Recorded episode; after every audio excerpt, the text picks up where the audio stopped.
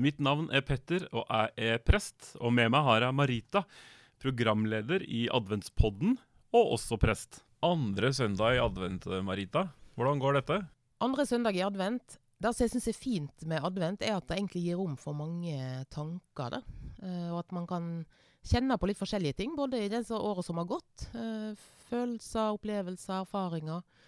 Eh, og at også egentlig kirkeåret gir rom for ettertanke, og ikke bare for den der liksom gleden som, som på en måte handelsstanden prøver å skape hos oss da, eh, til jul, som handler om litt andre ting. Men livet er jo fullt av nyanser for oss alle sammen. Det er gode ting og vanskelige ting i det året som vi har bak oss.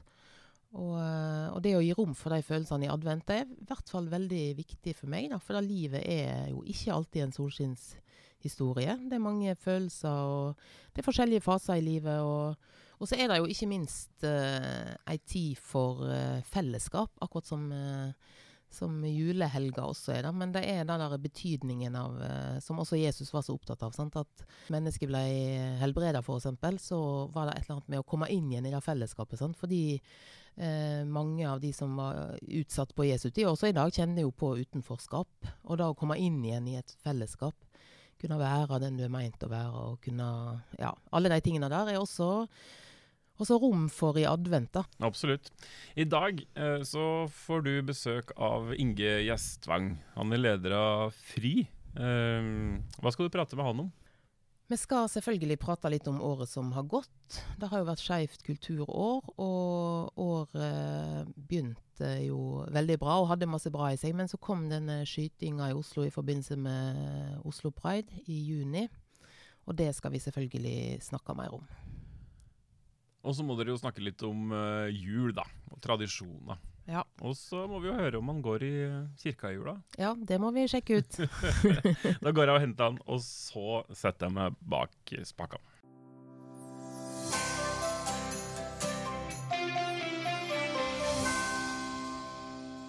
Inge Gjestvang, hvem er du?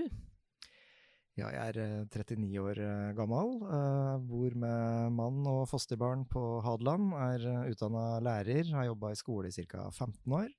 Så hoppa jeg av den karusellen og begynte å jobbe i FRI, og ble senere valgt av leder der for to år siden. På slutten av året så ser en jo gjerne litt sånn tilbake på det året som har vært, da. Og 2022 har jo vært et uh, spesielt år. Hvis du skal oppsummere dette året her, hvordan vil du gjøre det?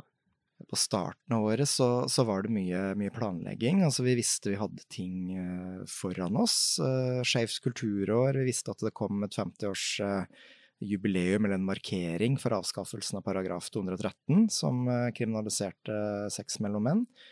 Um, så, så, fra påske og til nå så har det egentlig bare gått litt sånn 200 km i timen for meg. For jeg husker andre påskedag, så satt jeg og tenkte at nå er siste gangen på en liten stund at du kan trekke pusten, og vi fikk veldig rett. Eh, for da den påfølgende uka så var det opp eh, å møte stortingspresidenten og være invitert til frokost der i forbindelse med 50-årsmarkeringa her. Eh, og så inviterte statsministeren til en mottakelse i sin bolig, hvor regjeringa sa unnskyld for hvordan homofile og skeive har blitt behandla som en følge av den kriminaliseringa her. Eh, og så kom sjølve dagen, og vi slapp vår eh, pride-kampanje, som handla om den friheten som vi aldri kan eller skal ta for gitt. Eh, og så var jo pride-sesongen veldig godt i gang. Jeg var blant annet på Bygdepride Ørstavolda i Sunnmøre. Regnbuedagene i Bergen i starten av juni, og så fikk jeg korona Oslo, rett før Oslo Pride begynte, så jeg var ganske skral den uka. Eh, der. Eh, og hadde heldigvis en rolig fredag kveld, eh, for jeg tenkte at den lørdagen den ble lang med parade og mye sånn. og var veldig glad for at jeg hadde fått noen timer på øyet før, før jeg ble vekt og måtte ut og opp og i krisestab. Da mm. terroren, da skytinga skjedde. Hva gikk gjennom hodet ditt når du hørte hva som hadde skjedd?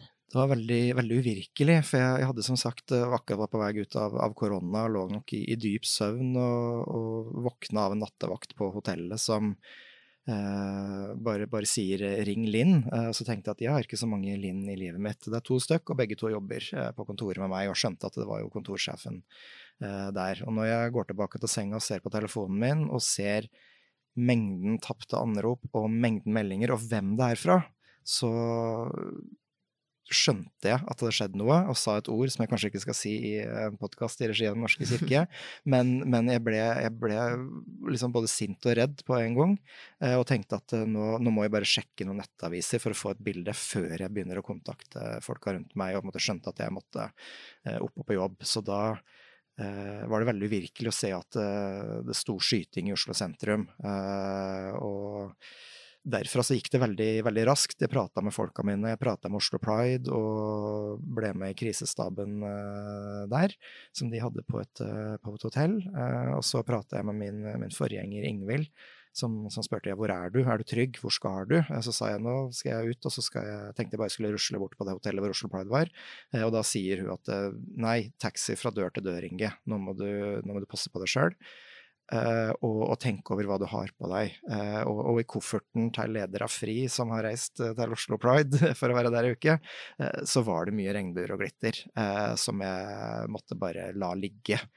fant det i sånn streit olaskjorte og beige bukse, og så fant jeg noen regnbuesokker. Så tenkte jeg at de her skal jeg ha på. Så får jeg heller gå med ja, hvis det, hvis det, nå er min tur, eh, hvis noen er ute etter å ta meg, og jeg har regnbuesokka på, så får det være så, men det her får de ikke ta fra meg. Uh, men det var veldig, veldig uvirkelig og den taxituren bort til det hotellet og sitte i krisestab og så få oppdateringer uh, utover natta. Det var uvirkelig. det forbereder kommunikasjon, ta en del tøffe avgjørelser. og da vi skjønte at vi var nødt til å avlyse det offisielle programmet, så så var det utrolig, utrolig tøft. Eh, så, så, fra jeg ble vekt litt før klokka to på natta, så gikk det i 100, altså i 20 timer. Med nesten ingen pauser. Så det var et uh, intenst døgn som jeg aldri vil oppleve igjen. Det er ganske mange ting på kort tid en skal ta stilling mm. til, og, og, så får en jo sikkert ikke bearbeide Altså, en bruker jo tid på å bearbeide mm. dette her i etterkant. Og jeg tenker også på de i forbindelse med dette, både på sørgegudstjenesten og i andre sammenhenger, så blir det jo sagt utrolig mange trøstende ord, mm. eh, fine ord. Eh, kjenner du at de ordene har et innhold, at de bærer de ordene som kommer etter noe sånt skjer?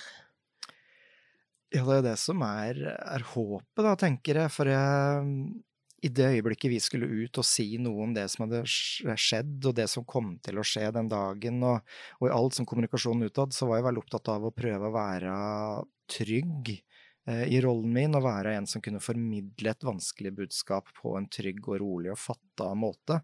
Så jeg er veldig glad for at jeg evna det den dagen, og har fått tilbakemeldinger på det. Og eh, den talen jeg holdt i sørgegudstjenesten nå, så er det jo viktig å eh, både anerkjenne det vonde som er, men samtidig si noe om, om det håpet som må være der, da. Eh, og ivareta de av oss som, som, sitter igjen og prøver å fatte og forstå og skulle etter hvert gå videre. Eh, så jeg, jeg er gammel norsklærer og veldig opptatt av eh, godt språk, og, og finner Eh, finner mye glede i, i, gode formuleringer og gode bilder som kan si noe om, uh, om, der vi er og der hvor vi ønsker å være. Så det å finne trøst i, i, ord, enten det er sangtekster eller dikt eller noe som helst, det har jeg vært opptatt av og har, har prøvd i etterkant av det her å være en som, som uh, kan formidle noe, forhåpentligvis, av en god kommunikasjon som gjør at folk blir trygge og så finner noe trøst, da. Jeg er også gammel norsklærer, altså. Mm. Har du en sånn uh, favorittlyriker, eller? Hvis man skal liksom høre på dialekten din, så er vi kanskje ja, det er jo også, nå er jo jeg fra andre sida av der hvor Alf Prøysen eh, vokste opp. Men, Ikke sant? Eh, men eh, ja, jeg, jeg, liker også å finne det store i det små, da. Litt det enkle. Så kan hende at Prøysen er, eh, er jo en som hentes fram veldig, veldig til jul. Eh, men, men er jo veldig glad i Eh, i de tekstene som både Prøysen skrev sjøl, men nå har framført ellers.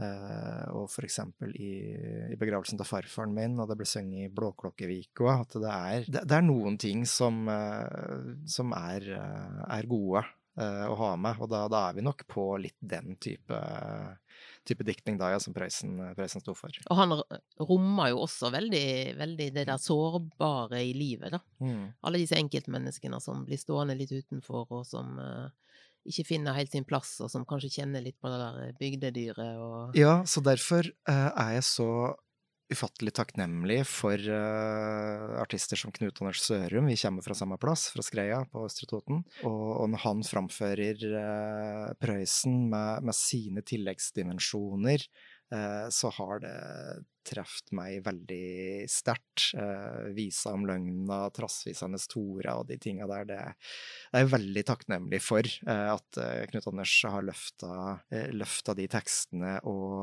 og, bidratt til å fargelegge det enda litt mer, da. For jeg tenker at det, er jo noen historier om hvem Alf Prøysen var, eh, og, og, og, hans kontakt med Kim Friele, for eksempel, eh, at det det har vært historier som har blitt liksom slått ned, for det er litt sånn uverdig å grave litt i folks liv. Men samtidig så er det jo viktig å få fram hvem folk var, da. Både som kunstnere, men òg som medmennesker, og skjønne at det her er det ofte litt bredere bilde enn det vi har blitt presentert med. Og diktene hjelper oss jo også til å, å oppleve at dette har mennesket erfart før, så vi kanskje ikke står så aleine. Og fellesskapet, det er viktig for deg? Ja, absolutt. Eh, jeg har alltid vært glad i å, å finne og forstå meg sjøl gjennom eh, ting jeg ser, da, enten det er i litteratur eller i film og kulturen ellers. Eh, og det å skjønne at du ikke, ikke er aleine.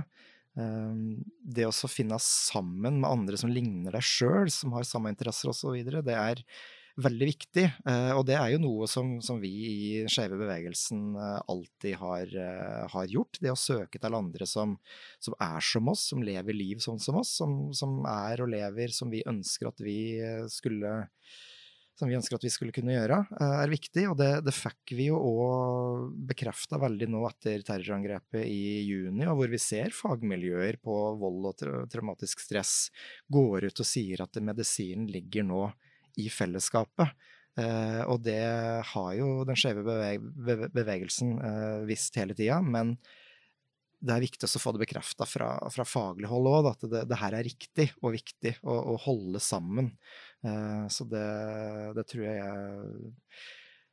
i uka etter terroren så er det litt sånn vanskelig når du sitter med kommunikasjon ut. altså liksom, ja, Hva slags bilder skal vi bruke, hva skal vi oppfordre folk til å gjøre, osv. Men, men bare noe så enkelt å si sånn at hold ut og hold sammen, uh, tror jeg jeg brukte uh, Lagde et sånn delebilde uh, i juni, for jeg tenker at det er noe med å Vi må tåle det vonde, men kanskje blir det bedre når vi holder sammen da. Det er et stort problem med hets mot LHBT pluss-personer, kanskje spesielt mot transpersoner. Hvorfor, hvorfor er det sånn? Tror du? Det er nok mange som opplever det som vanskelig eh, å se noen som, som, lever liv som ikke ligner deres eget. At det er et annet verdisyn eh, som, som, bryter litt med det det som mange tenker er veldig viktig. Da. Så vi, ser jo litt i den motstanden som kommer, at det handler om eh, å verne om eh, familien og nasjonen og Gud. Det er noe som er i den motstanden som, som kommer fra Øst-Europa. da. Eh, men som vi ser i tillegg begynner å befeste seg veldig, veldig her til lands. Um, før, før, Oslo Pride så gikk jo bl.a. en lærer ut mot det med at skoler skulle delta på pride, og at vi ikke skulle undervise så mye om kjønns- og seksualitetsmangfold fordi kidsa ikke var klare for det. og Det blir sånn vanskelig, og det virker nesten som om uh, unga blir stilt til veggs og å svare om hvem de er og hvem de elsker. Men det handler jo mer om å gjøre det som er i tråd med opplæringsloven, da, åpne dører mot framtida og verden. Um, så, så, det er mange misoppfatninger av hva den skeive bevegelsen vil, hva vi skeive organisasjoner eh, vil, eh, og at det dras ofte i veldig dramatiske retninger for å skape den moralske panikken da, som gjør at uh, man, man, får litt vind i seila og bygger motstand uh, der. Så vi ser uh, den, den hetsen og, og, det tankegodset som blir brukt i ordskiftet om transpersoner nå, er jo bare en sånn resirkulering av det vi så mot homofile på 50- og 60-tallet. Eh, hvor det handler om at man lokker til seg, og at det er sosial smitte. Eh, at man nærmest må, må, verne noen før de blir sånn. Og så er jo det spørsmålet ja, er, er vi sånn, eller har vi blitt sånn, eller er vi født sånn? Um, og, og, dessverre så, så er det mye kritikk som, som går over i, i, hets og nærmest trakassering av, uh, av folk, direkte sjikanering, eh, som gjør at vi får et veldig utfordrende ytringsklima, som gjør at folk fjerner sine kontoer på sosiale medier, blant annet, som ikke orker å delta i ordskiftet, som er lei av å få sine liv eh, debattert av hvem som helst. Altså, se på transdebatten nå, det er jo Eh, hvem som helst kan ut og mene hva som helst, og det er jo viktig og fint i et demokrati at det er uh, ytringsfrihet, men uh, vi, vi, mangler ofte stemmene fra målgruppa sjøl. Uh, de av oss det gjelder, og f.eks. at behandlerne er inne i diskusjoner som omhandler behandlingstilbud, at det er de det gjelder og deres behandlere som bør få hovedrollen her, og ikke tilfeldige folk som bare våkner opp og tenker at nei, men i dag har jeg lyst til å mene noe om det her. Um, så, så, den hetsen her, det, det, påvirker jo veldig. Det var uh, veldig vondt etter terroren å se at uh, Skeiv Ungdom f.eks. ba sine medlemmer uh, skjerme seg i sosiale medier.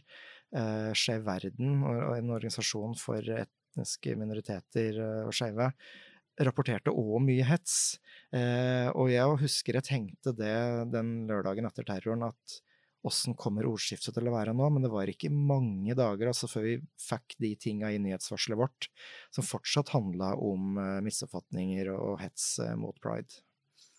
Hvor tror du dette her kommer fra? Kommer det liksom fra, fra, teologien, eller fra tradisjonen, eller fra bygdedyret, eller hvor, hvorfor, hvorfor, blir, hvorfor blir det sånn?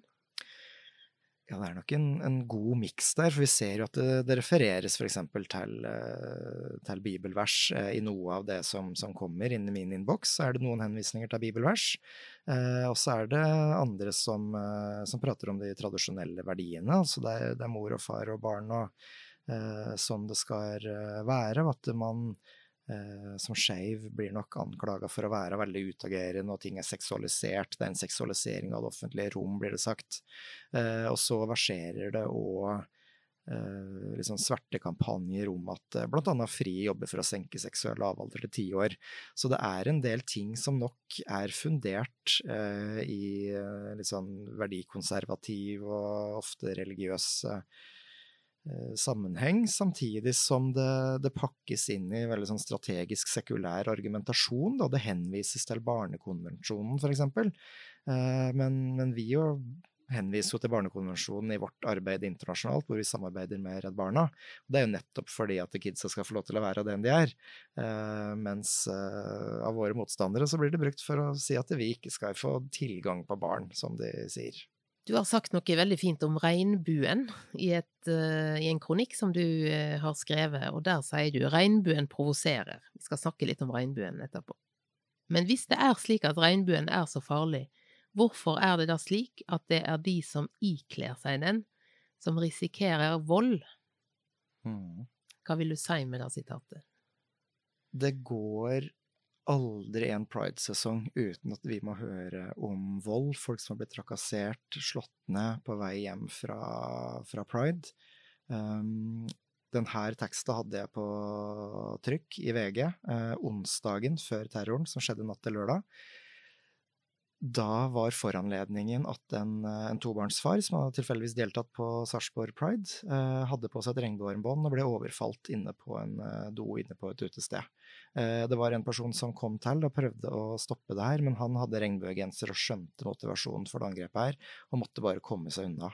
Og da nærma det seg Oslo Pride, og jeg har lyst til å si noe om åssen de historiene her påvirker oss. da, altså Skeive sin mulighet til å være synlige. Det å kunne ha på f.eks. regnbuesokker eller en regnbuefarga pinn eller et flagg i hånda, eh, hva det faktisk utsetter oss for.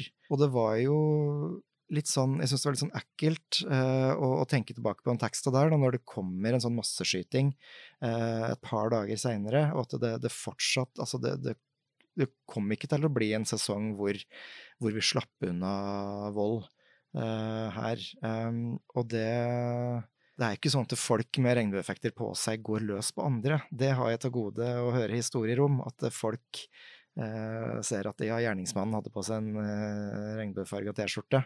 Uh, det er jo ikke de historiene vi har. Vi hører historier om folk som opplever vanskelige ting og, og trakassering og vold fordi de har ting på seg som gjør at noen ønsker å ta ut et sinne, da, Uh, på enkeltpersoner som er, er, en del av en bevegelse, men som egentlig bare har lyst til å gå der i fred, på vei hjem fra en fin pridefeiring med litt glitter i kjakan og regnbuefarga genser, f.eks.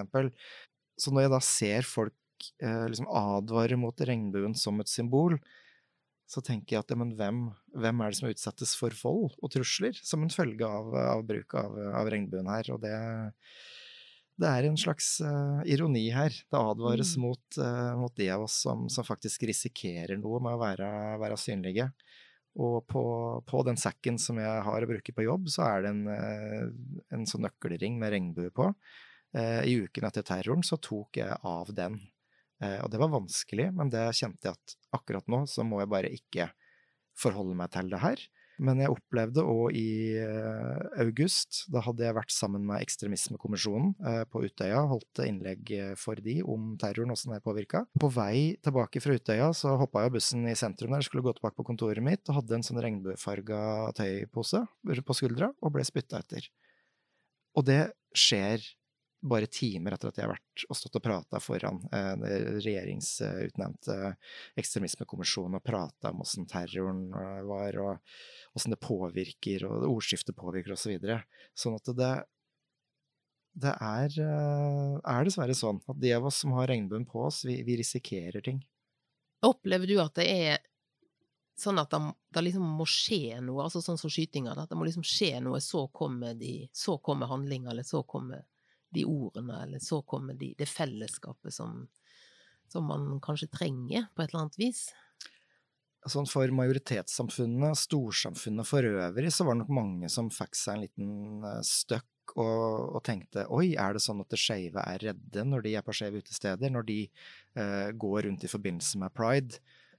Og da uh, har jeg i noen intervjuer løfta begrepet minoritetsstress, altså det ekstra stresset som, uh, som er ved å tilhøre en, en, minoritet, og det å forvente reaksjoner basert på hvem du er, eh, og, og, ting som skjer mot noen som ligner oss, det påvirker også, sjøl om ikke vi er direkte berørt. Eh, så da uttalte jeg til Skeive Magasinet Blikk at det er, det er, synd at det må terror til før at det begrepet begynner å feste seg i majoritetsbefolkninga.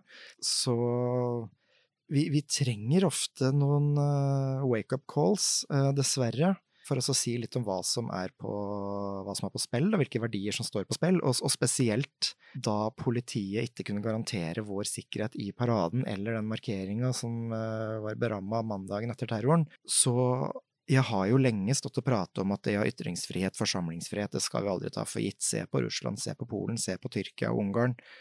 Og så står vi i en situasjon her hvor vi som ansvarlige arrangører bare må, må legge ned, slippe alt vi har i hendene, for politiet kan garantere sikkerheten vår. Eh, og da kjente jeg veldig på at her er det noen helt grunnleggende menneskerettigheter som jeg nå ikke får utøvd. Mange gjorde det likevel. Eh, kjente at de hadde ikke noe valg, at uh, terroristen kunne ikke vinne. Eh, men for oss som, eh, som største priden i Norge, som den største skeive organisasjonen i Norge, så, så var det et Uh, altså, valget var et umulig, vi måtte bare føye oss etter det som ble anbefalt og rådgitt fra politiet. Men, men, det var vanskelig å, å erkjenne at her, her var vi. At vi ikke fikk den muligheten til å samles og være, være trygge. Og det har vært veldig uvirkelig nå i, uh, i prider som har kommet i etterkant av Oslo.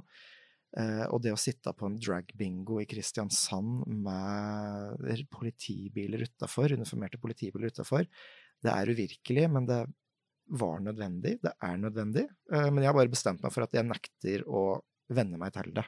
For det her er unntak, og så skal vi tilbake til normal, hvor vi kan gå i pride-parader og vi kan samles på skjeve utesteder uten å være redde.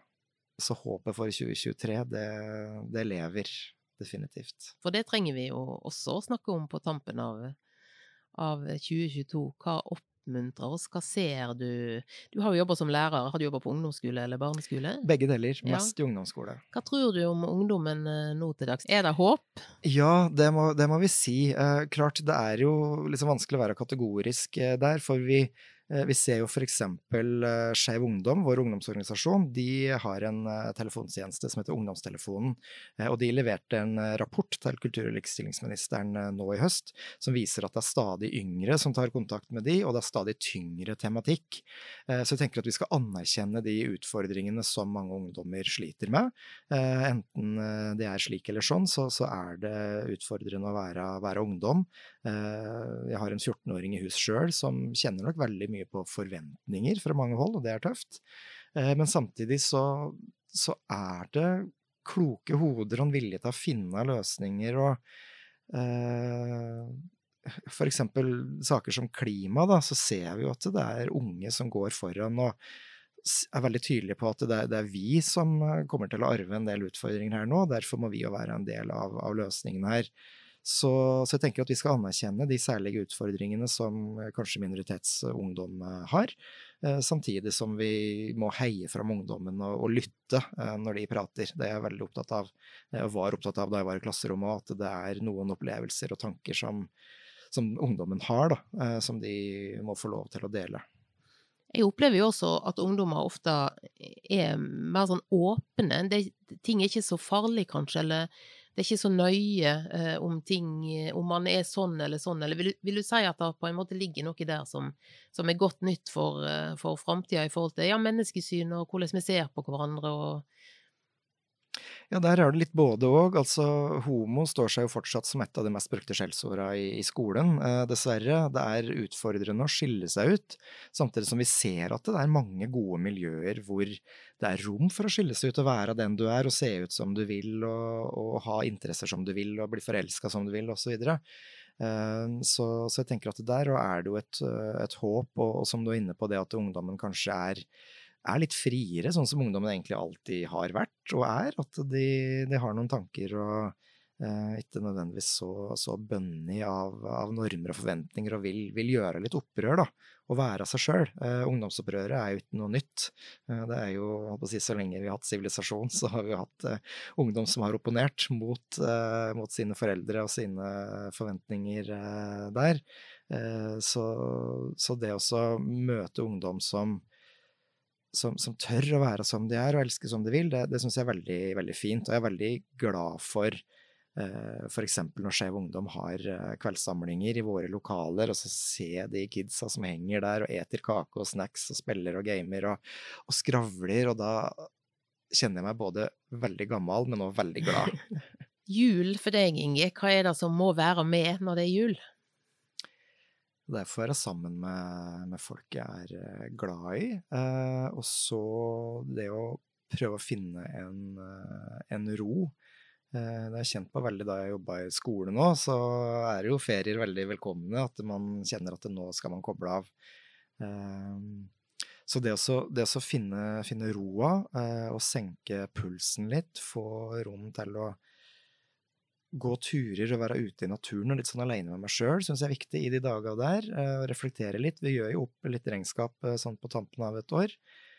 Eh, Samtidig som det er en del sånn tradisjoner som det å være sammen med familien og ha den gode maten og muligheten til å være sammen, men òg bare ligge på sofaen og se på TV, syns jeg er veldig viktig.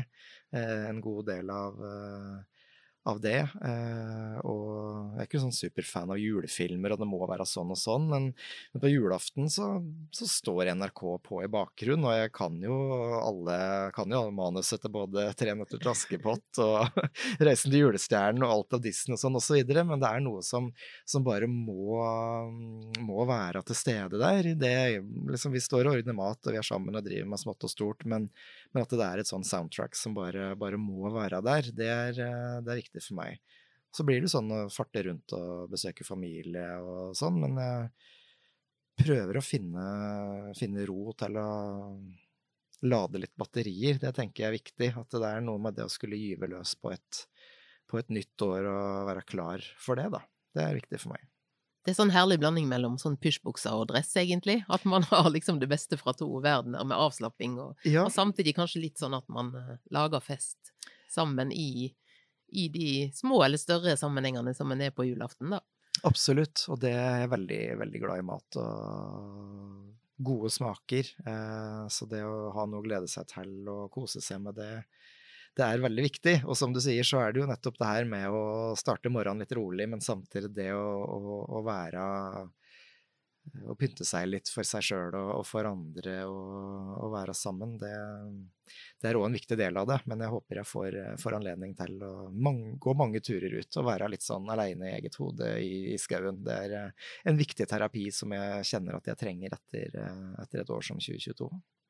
Men hva eter du på julaften? Hva eter en på Hadeland på julaften? Er du som de andre og spiser ribba, eller er det Ja, det Ja. er eh, ribbe og forskjellige typer pølse og medisterkaker fra Totenkjøtt og de, litt reklame der? de riktige tinga der. Altså, det er, eh, det er viktig, viktig for meg som, som totning at det skal være det det alltid har vært. Ja. Baker du julekake, eller? Nei, jeg er litt sånn urovekkende lite glad i, i julekaker. Uh, for jeg tenker at det er uh, kanskje litt sånn å banne i kirka her, men uh, mye er litt sånn bare smør og sukker i forskjellig form. Så tenker jeg at det er kanskje andre ting som jeg er mer, mer glad i, og tenker at det, jeg kjøper liksom god marsipan og god sjokolade og nøtter og og litt sånne ting syns jeg er viktig, mer enn at det akkurat må være sju slag. Samtidig som det er tradisjoner som har vært der og skal være der. Eh, så jeg er glad i å få det servert borte, men eh, prioriterer nok sjøl litt god sjokolade, altså. Ja. Jeg er litt på linje med deg der, altså. Men det kan jo være hyggelig å bake, selv om en ikke syns det er sånn at en må spise det, da. Ja, jeg er gift med en som er uh, fanatisk pepperkakebaker, med farmors gode oppskrift og hjemmelaga der, og det skal være hus, og det skal være figurer, og så, så den tradisjonen er der. Går du i kirka når det er jul? Nei, det gjør jeg ikke. Jeg, men jeg er veldig glad i de sangene som hører eh, jula til, og den følelsen, og har vokst opp med det å gå til bords klokka fem, og Sølvguttene og, Ja. og den konserten der, og liksom den, den roa og den musikken som er der. Um, jeg er ikke troende sjøl, men har sunget i kirkekor i mange år. Eh, vært med på mange sånne julekonserter med, med liksom det de sangene og de salmene som, som er med der, og, og er veldig glad i hele den pakka, men Mhm. har liksom ikke troa mi sjøl. Men samtidig så står ateisten og hylgriner når Deilig av jorden kommer. Eh, og det, det er litt sånn eh, som, eh, som Elisabeth, som leder Sjef kristent nettverk, hun sier det at ja, Inge, du er liksom sånn den rareste ateisten jeg kjenner, for du er liksom så, så troende nærmest, og så glad i alt det her, så det er liksom bare det siste som mangler. Det er den sjølve troa, men jeg tenker at den, den representerer eh, liksom det håp og det fellesskap og veldig sånn mye kraft, da tenker jeg, og spesielt i, i den musikken. Jeg er gammel musikklærer og liksom glad i, glad i den delen der. Så ja, som sagt, har flere år i kirkekor eh, bak meg. Tusen takk for at du kom her og ville snakke om året som er gått. God adventstid og god jul når den kommer. Tusen takk for det. God jul.